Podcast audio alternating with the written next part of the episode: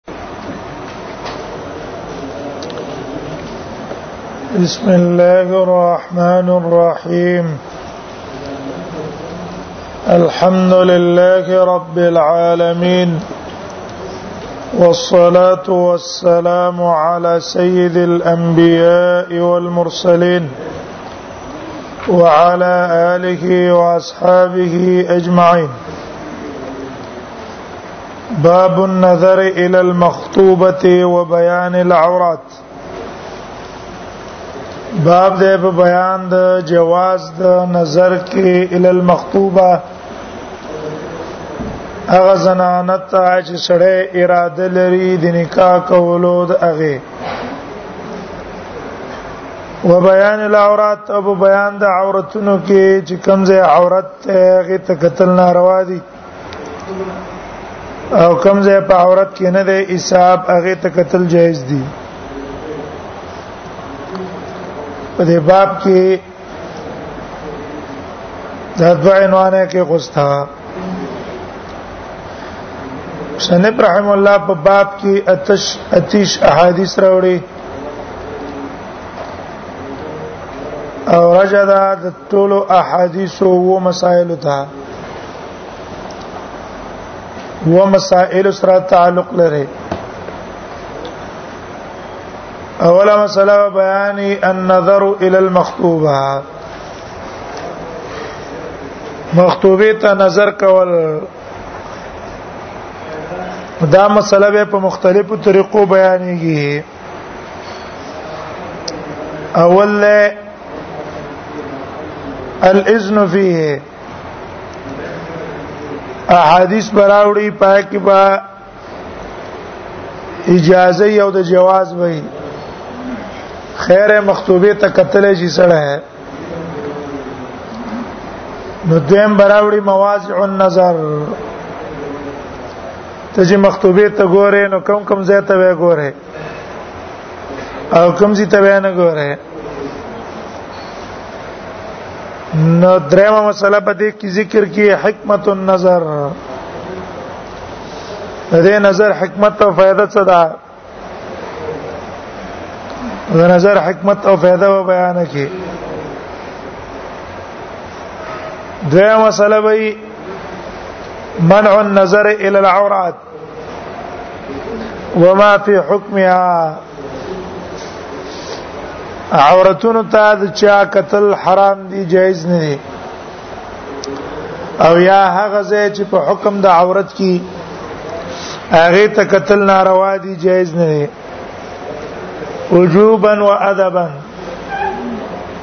وجوبا وادبا بعض ته قتل حرام بعضو ته قتل جایز دي خو لیکن ادب نه خلاف دي درې مسله به ذکر کی منع الخلوه منع الخلوه مع الاجنبيات یو خزدا ستا محرم نه دا پردې خزدا دا هغه سره خلوت کول حرام دي دا جایز نه دي دا چې سړی د پردې خې سره خلوت کوي او دا هغه سره شیطان دي څلورو مسله به ذکر کی ذکر من یجب عنه الستر ومن لا یجب عنه کوم کسان به خزه ستر کوي د کوم خزنه د کوم کسان نه خزه باندې ستر لازم نه ده چانه ستر کول جایز دي چانه نه دي انځو مسله بیان کی الامر بالستر حکم بای ستر باندې زناله په کار دادی چې هغه ستر کوي حجاب کوي دا بیان کې نو بل حکم به ذکر کې شپږم علاج ما ينشأ من نظر الفجاء ستانا چاپی نظر په پردې خزه ولګېدو او دا غې د وجنه ستا په ځړ کې غلط خیالات او تصورات رال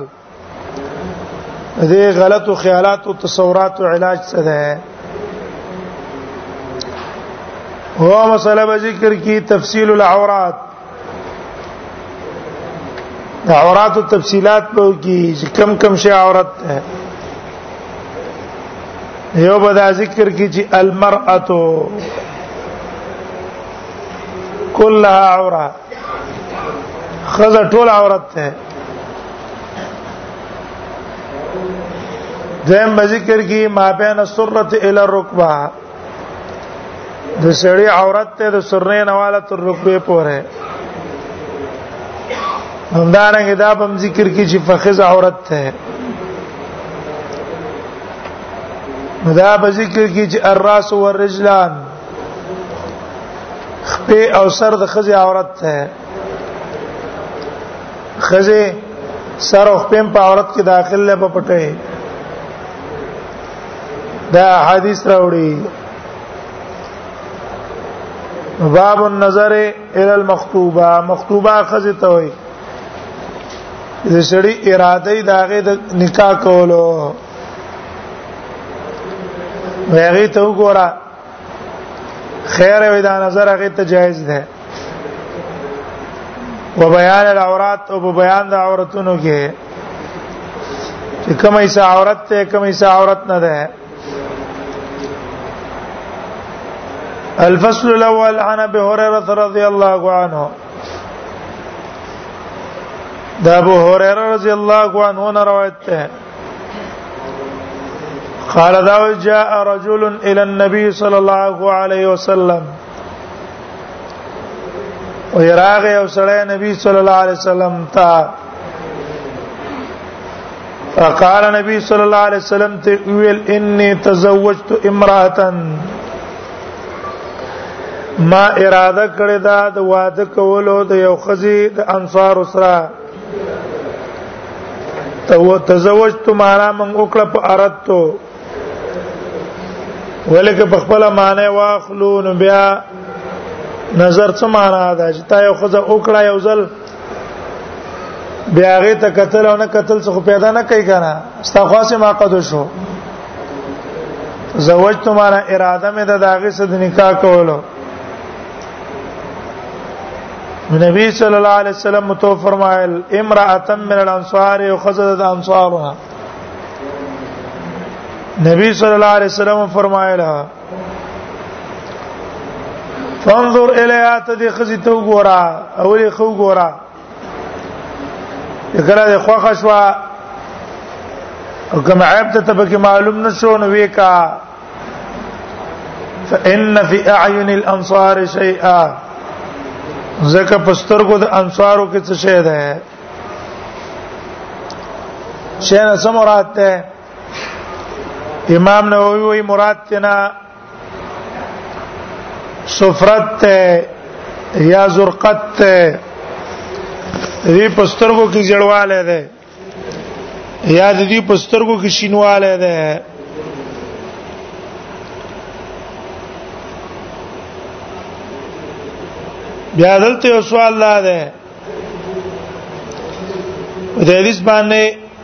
دو اعتراض دي په دې حدیث کې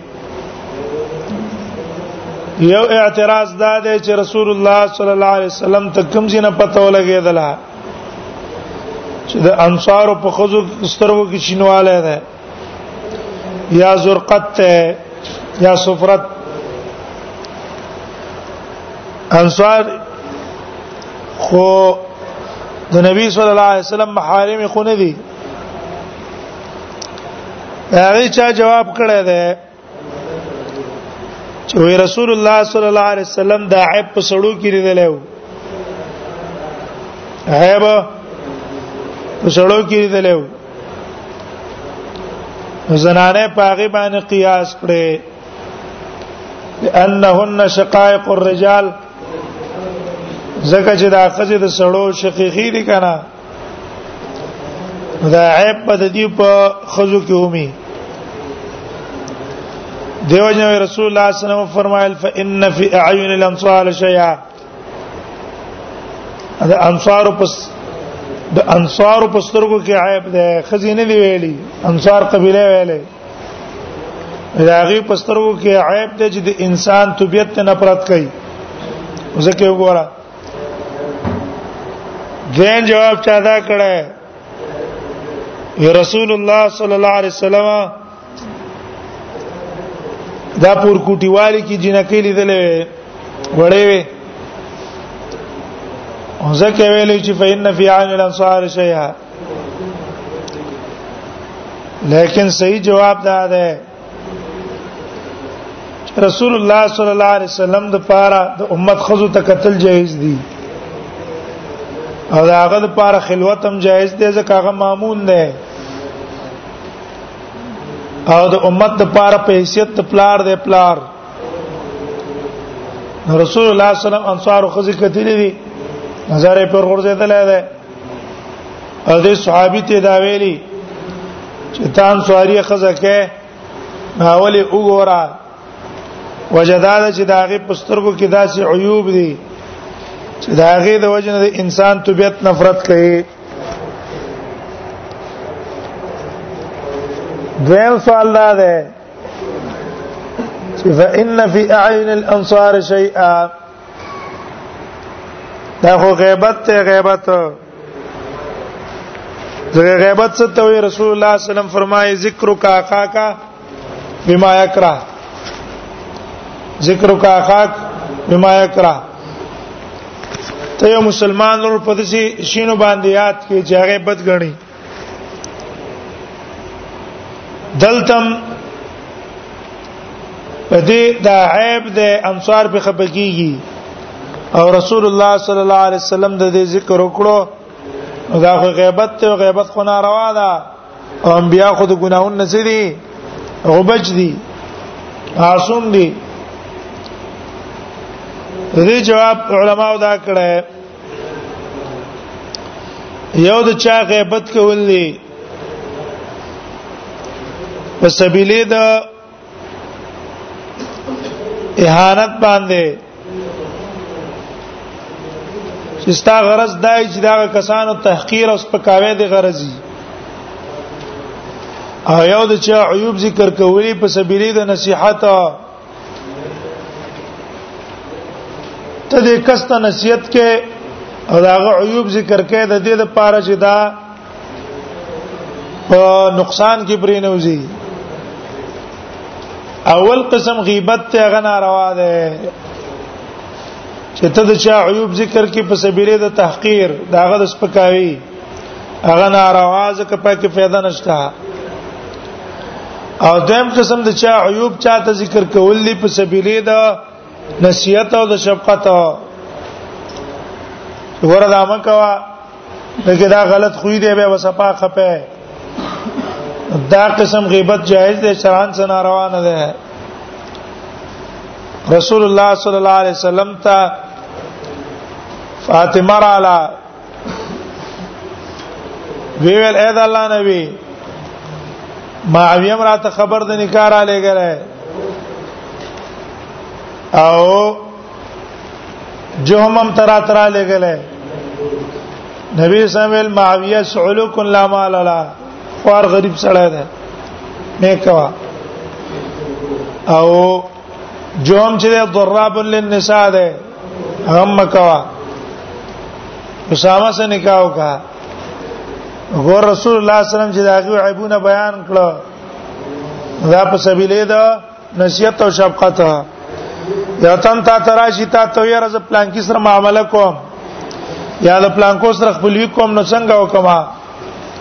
ته بوز دانه چې رکزه دا غو عیبونه ذکر کما نو دا په غیبت کې داخل شي نه دا غیبت نه ده را اولګه کدا ته پورا بیان کا دا پورا بیان کا چې دا سړی دا غي نزان اوساتی یا په صورت ته تظلم ال السلطان ته قاضي او یو تن راغی ته جګړه راوړه نو بخامه خا د قسم رد بد وای کنه د څه دی واغه څه دی ته به ته دانه چې غلې چاله کې غیبت مکوا ته به ته نه او نه داغه پوریدو ته ګناګارې دې صورت کې تعالی اوریدل جایز دي دلته رسول الله صلی الله علیه وسلم په سبیلې د نصیحت ویلي او شفقت ویلي فإن فی اعین الانصار شیئا په نظر د انصارو کې شی ده اوس راشه د حدیث ناغه مسله چې کوم د باب سره متعلق تا په دې کې د فنظر الیا حدیث ته معلوم شو چې نظر مخطوبه ته جایز ده دا نظر مخطوبه ته اول اختلاف ته په دې کې چې آیا دا جائز ده بدون اذنها ام بعد اذنها ته اختلاف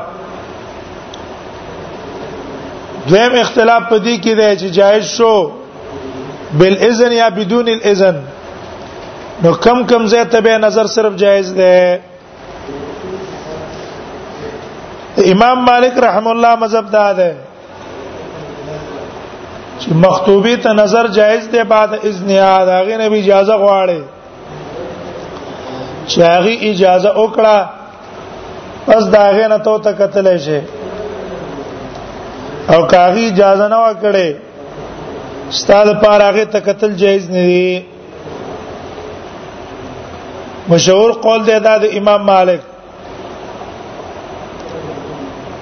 ها یو قول ته د منع نقل له منع چې نه نه وګوره دغه پردې خزا ده دویم قول د شوافیو احناف او حنابلو ده دی وای نظر مخطوبه ته جایز ده ولو بدون اذنها غیر کدا غي جازم نه وي دلیل په دې حدیثونو مطلقونه ولا راځي چې ګور رسول الله صلی الله علیه وسلم فرمایلی دي فانظر الیا ورشو تو ګورا دیو ته نه دی ویل چې اجازه وغواړه بل حدیث ته جابر رضی الله عنه اراده و دی جنې سره د نکاح کوله دا یو تاسو ته یو ځکه پټ کې راستو چاو ته ویاله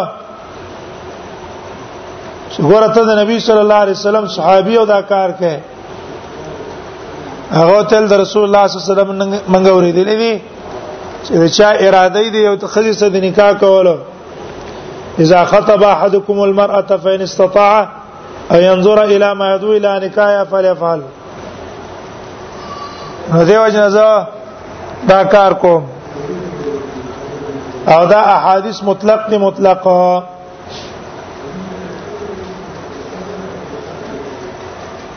دې کې د جمهور قول راجح بیا د دې خپل منځ کې دا اختلاف دی چې مواضع نظر کم ځای ته بګوره د مالکیانو شوافی او حنابلو او د احناف مذهب ته ده چې ستاد لپاره نظر جایز دی صرف مخ او لاسونو ته مخ ته وګوره لاسونو ته وګوره نور بدن ته ستاد لپاره قتل جایز نه دی نور بدن ته ستاد لپاره قتل جایز نه دی وی وجه دا چې نظر پر دې خځه ته حرام دی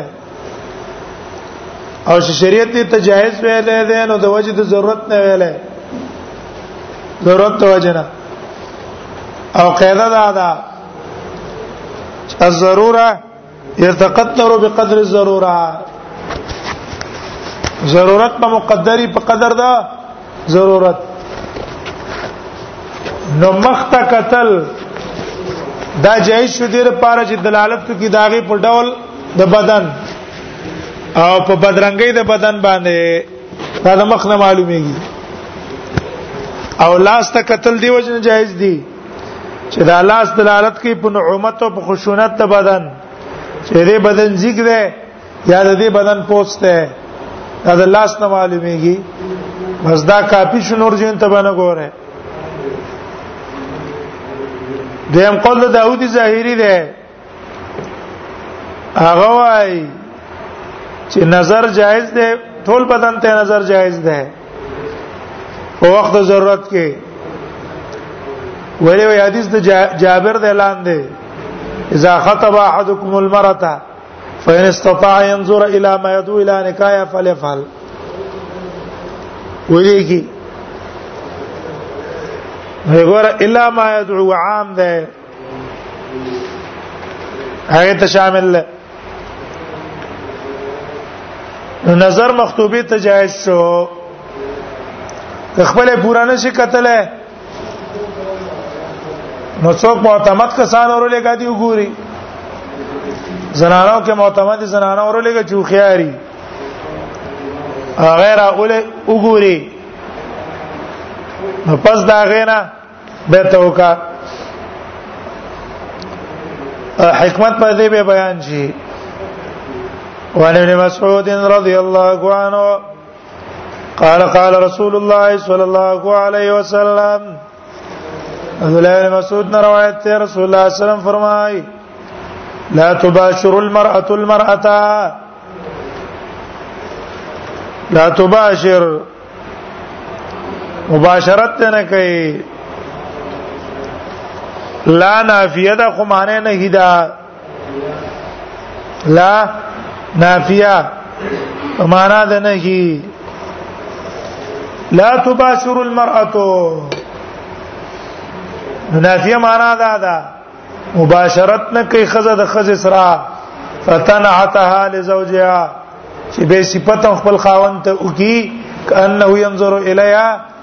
ویا کدا خاوند خزي ته ګوري مباشرت نه کوي دا نهي په صورت اخبار کې بیان کو په دې کې اشاره ده دیتا چې زنانا سره دا کار کوي نه دا کوي نه خو ظاهر کې اخبار معنی څه ده معنی د نهي د انشاء لا نافیه ده کنه خو معنی د صدا د نهي مباشرت ته نه کوي یادا چې لا نهي په خپل معنی ده مباشرت ته نه کوي یو خزه د بل خزه سره مباشرت دلته معنا څه ده المخالطه والملامسه ناستا د خزې سره او خزې لاس ماس ور کول هغه سره بدن لګیدل نو بیا نفس مباشرت جائز ده حرام ده په دې صورت چې فتن عطاها د زوجها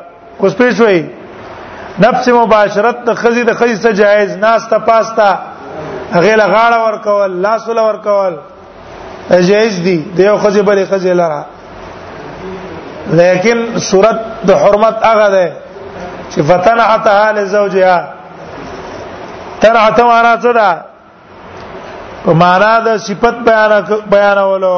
تتصف نعومه بدنها چې دا بیا را لګیږي د دې د بدن پوسوالي صفت خپل خاوند ته کوي یره پلانکې جنې چې کماله ډېر چاق دا او ډېر ډېولی دا او ډېر پستا دا او دسه قدې ده کأنه ينظر اليها ویا کې دا خاوند دی جنې تو قتل ولې کله کله په بیان د وسب سره غشه په منزله د څه شي محسوس شي کنه یوجنه بیع السلام کې غنم شته دی نه خو چې کله د هغه صفات بیان کړی شو دغه صفت په منزله د چا شو محسوس شو کله کله صفت یو شي هغه په منزله د محسوس وګرځي دې خزي ته چې خاون صفت بیان کو دا د شول کاو جنې په خپل سترګو باندې اوریدله غرض د حدیث دا شو مباشرت جایزه خو که خزر علیږي دا غي صفت خاون ته کوي نو د دې خزي د پار د دې خزي سره به اختلاط جایز نه ده او د دې خزي د نور خزي سره اختلاط جایز نه ده غرض د حدیث دا چې خزبا د خزو صفاتونه خاون ته نه کوي او مجلس لته دا په مجلس کې خزې لیدلې دا باغه د خزو صفاتونه خاون ته نه کوي چې دا دی او هغه دی پلانکې جنې نه سره او پلانکې هغه سره دا باندې کوي هغه سره د دې مجلسونو صفاتونه کور کې نه کوي خزلم په کار دا دی چې د خزو صفاتونه خاون ته نه کوي داغه د مجلسونو تنا تعالی زوجها تنا تعالی زوجها نعت ویل کی ستا صفت کول لاغه د نرموالی او د پوسوالی د بدن کان نو ينظر الیا گویا کدا خوند ته ګوري وروي سید الخدری قال قال رسول الله صلی الله علیه وسلم او نبی سلام فرمای لا ينظر الرجل الى عورت الرجل لا ينظر بل خبر ده په معنا ده نه کی نګوري سړی عورت سړی ته مان نه دی ګوري نه دی ګوري سړی الى عورت الرجل عورت سړی ته ولا المرأه او نه دی ګوري خزا الى عورت المرأه خزا عورت ته عورت د خزه ته سړی له سړی عورت ته نار قتل ناروا خزه له خزه عورت ته قتل ناروا ولا يبدي الرجل الى الرجل في ثوب واحد او نه دي چې ملي ابزاد تمانا څه د چملاستل نه دي چې ملي یو سړی د بل سړی سره په ثوب واحد په یو بستر په یو کټ په یو بستر دې کې باندې سمدي دا باندې کوي ولی لخوف ظهور الفاحشه بينهما اسنا چې دی منځ کې څه ونه شي zarar ته واقع نه شي او ولا تبذل المرأة الى المرأة او خزه باندې چې مری د خزه سره په ثوب واحد په یو جامه کې دسړي یو بستر څملاستل ناروا دوه خود په یو بستر څملاستل ناروا اگر که خويند دی ولې نه اگر کرونه ولې نه استثناء راغلی دا الا الوالده مع ولده الا الوالد مع ولده لار کرا لګیږي د زوی څخه چم لاس تو خیره استثناء په حدیث کې راغله لار زوی څخه چملی خیره دغه پاکه څه نه ارتکاب ده عشی نه دا څم لاسته شي د استثناء د وجنه د الله حدیث د وجنه چې رسول الله صلی الله علیه وسلم خوشاله شوی او د مجزز مدلجی په خبره چې اسامه او د هغه پلار زید جمعات کې پراتو په یو چادر په ځان چولې او قدمونه ښکارا کېده نسیو فرمایله هاذ الاقدام بعض و من بعض وردا یو چادر کې زکم لاستو جمعو پلار وزیو کړه دینه په غیر ناروا خواخه او ننګور په یو کټ کې چملا استل حرام دارنګي خويندې په یو کټ کې چملا استل حرام چې بلوغ ته ورسیږي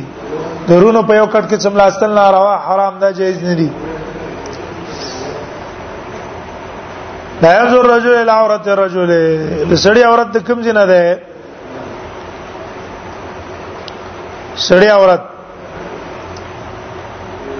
نو د سړی عورت چې ده د نامن والا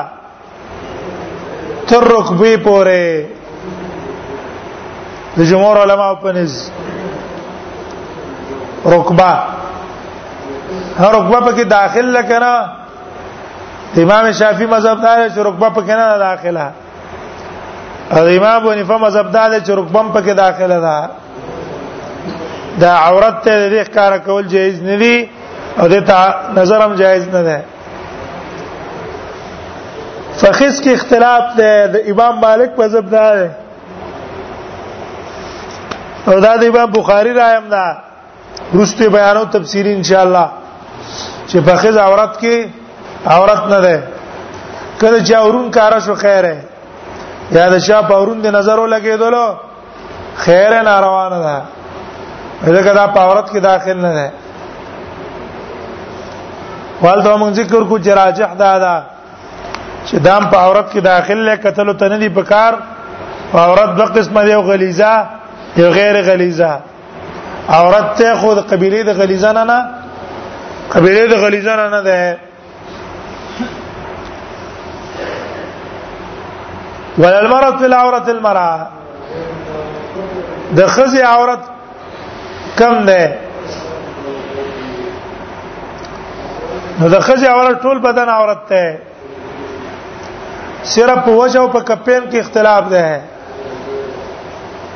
چې دې مخ او لاسونه عورت ته کنا او خارج الصلاه دا عورت ته کنا جمهور علماء رائے دا دا چې دا عورت ته بعض محققین علما قول دا دی چې دا عورت نه ده مخ عورت نه ده غزا وخت کلاو کی ودی شرط ډول نه کړه خواهش ته نه کړه نو خیر دا کلاول جهیز دی ګناګار په نه ده زینت باندې کوي ډول باندې کوي خواهش باندې کوي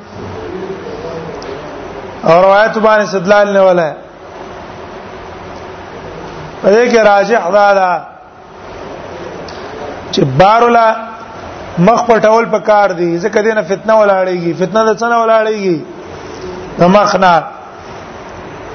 مخ د خځې کاري وسول مسله جوړه شو کنه او په کور کې دنه په قول د محققین باندې عمل پکار دی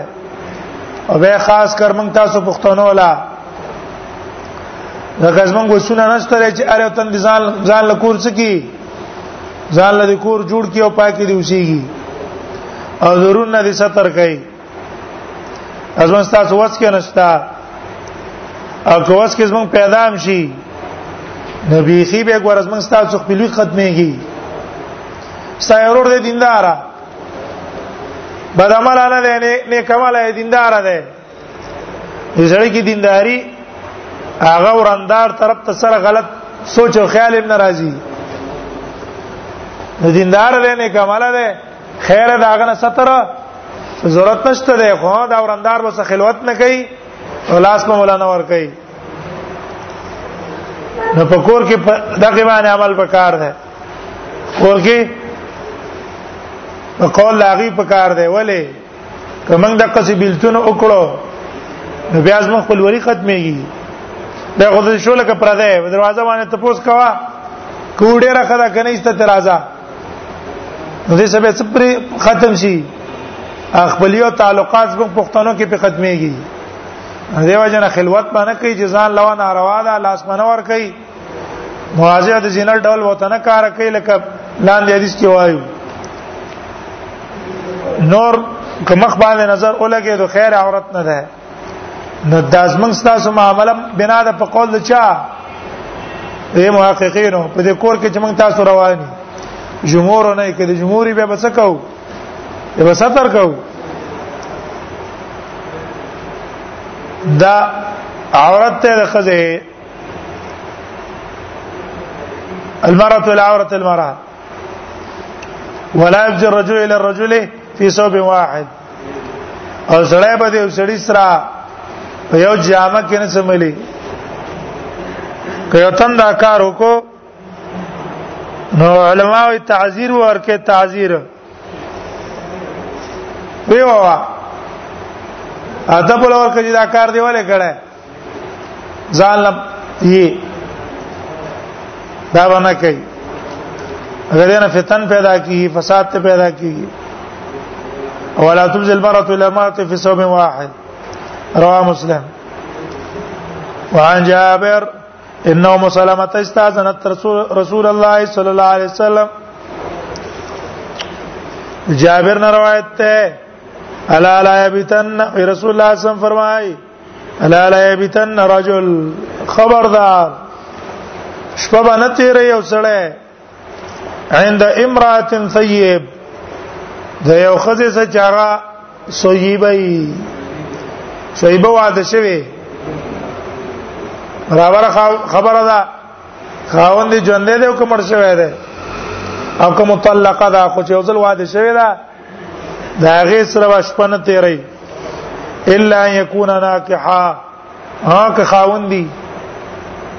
خاوندي به خبره نشته ها کدا نکاح کون کې او دا غي سره نکاح اوس کړي وا شپوسه تیرول شي او ذا محرم او یا محرمي وراره ده روره ده خوره ده ماما ده ترې ده د قبيله د محرمات نه ده وې کو څه شپه تیر کی خیر او کدا نه دې دینه په غیر څه شپه تیر ولا دا صحیح نه دي او ذا محرم به ذکر د بیتوتت ته مراد ته خلوت ته خلوت وجدا دا چې اکثر خلوت د شپې کیږي نو ځکه دا قید ولګاو دا قید اغلبي د احترازي نه ده اکثر خلوت د زی اکثر خلوت د شپې د ورځې څوک خلوتون تنه اوسګار ځکه لا بیتن نه ویل کنه دې بیت تت مراد نفس خلوت ته برابر خبره کړه خلوت د شپې او کدا د ورځې په پردو خو سره خلوت نه کې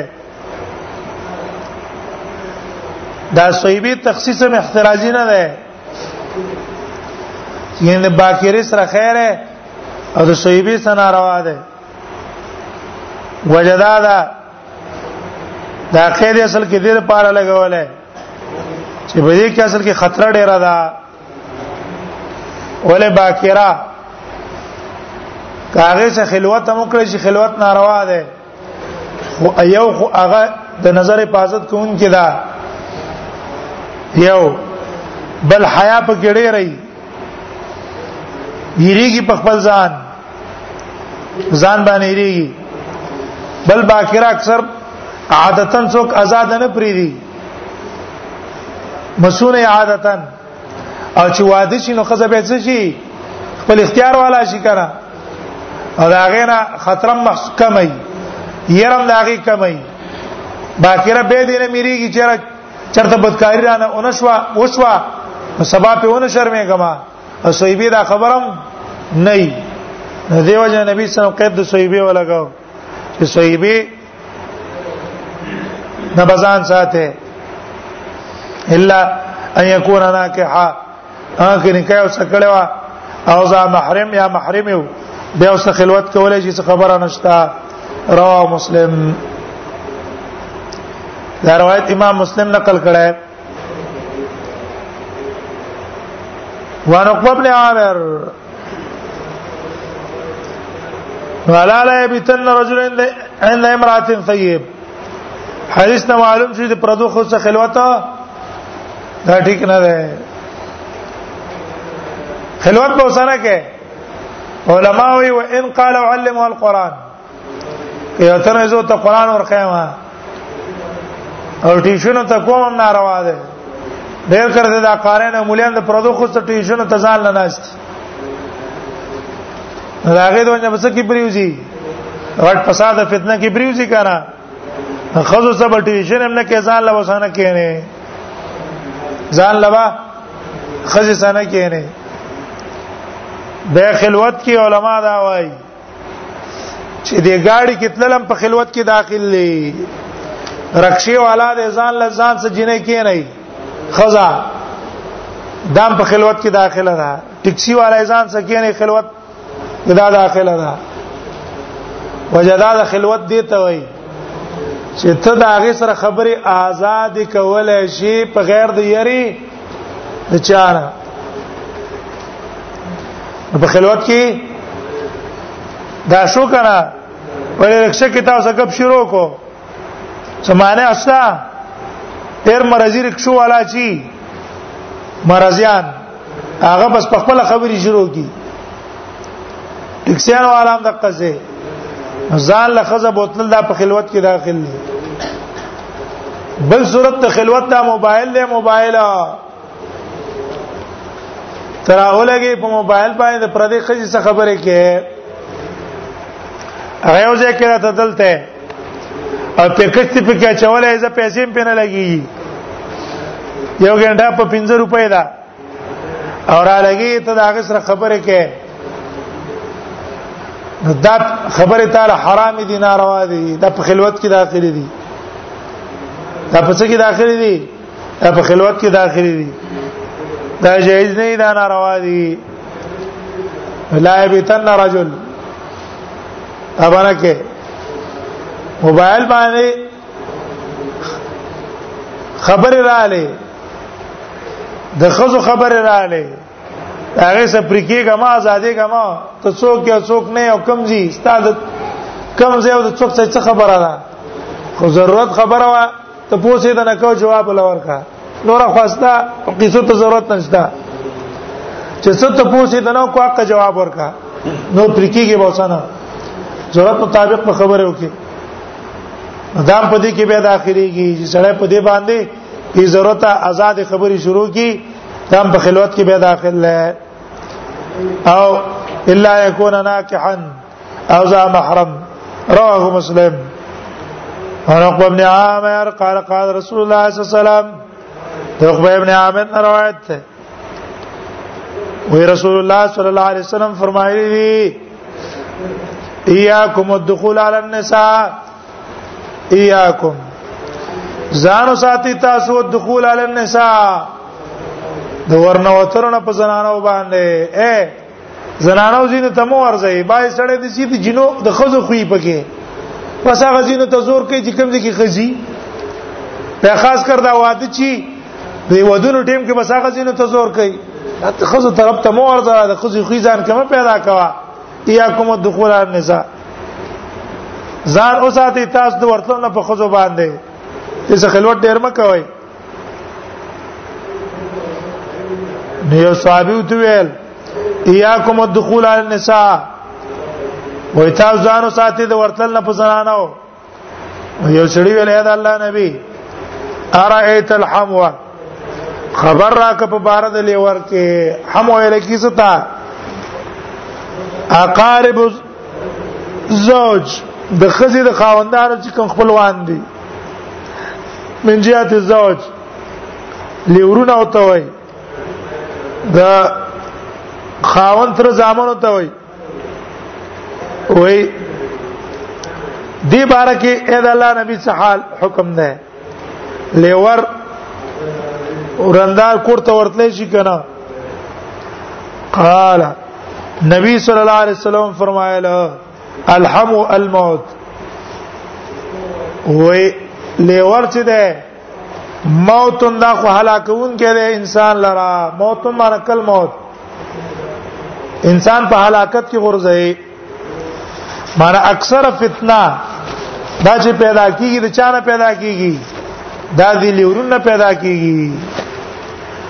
لار کې چې مشهور بدکاره خزانه وا مشهور بدکاره ته دا هغه سره نه شي جوړاوره نو سره تعلق ساتل شي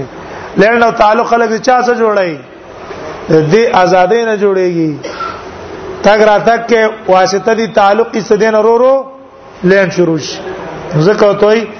اکثر مصیبت او آفت د دینه جوړيږي او دا د قبيله رچنه تحذير نه ده خلکو یلا صدا السلطان الاسد الاسد السلطان السلطان معنا صدا اتق الاسد اتق السلطان ځان غره د ازمری نو ساتر روان ده باچا نه ځانو ساته سزا دل درنه کی الموت النار دام د قصدی الحم والموت مارزان د لیور نه ساته لکه څنګه چې سړی د مرګ نه ځان ساتي د معنا ده د معنا ابو عبید کړه دا ابو عبید وی الموت معنی دا ده وی رسول الله صلی الله علیه وسلم فرمای فلیموت فلیموت ولا يفعل ذلك دا خزه دي ځان ځان دې مړ کی یا دا لیور دي ځان مړ کی او خلوت دې وراندار سره نه کوي ولا يفعل ذلك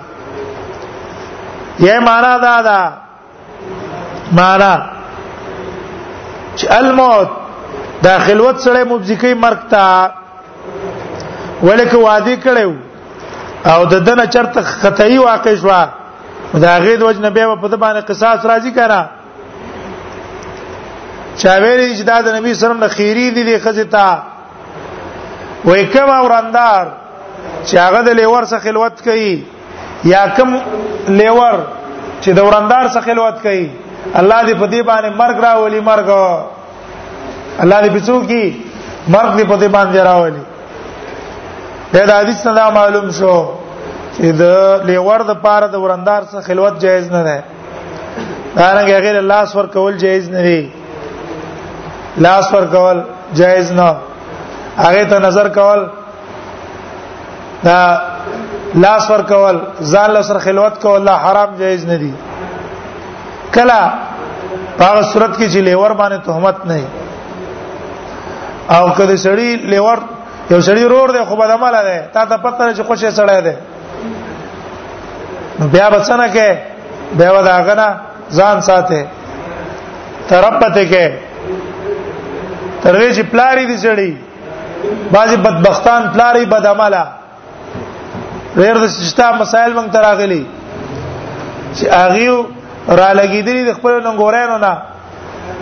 هغه نه غلطه پیدا اخلي ا تنګي را تنګي چې کله ننګور دینداري ځان ته ساتي خو غاریا نه وي چې زه څو کما کوس خبره ده کار کومه هم خیر مې نشتا کني کار کومه دا مې بریدینه هغه غریب پریشان دی او کله چې دا بدعملي استوسه تابع شي روانم شي نو کله چې دغه سي بدګمان او هغه نن به ستر پکار دي ځان ته جدا کول پکار دي چې زتک د پلار می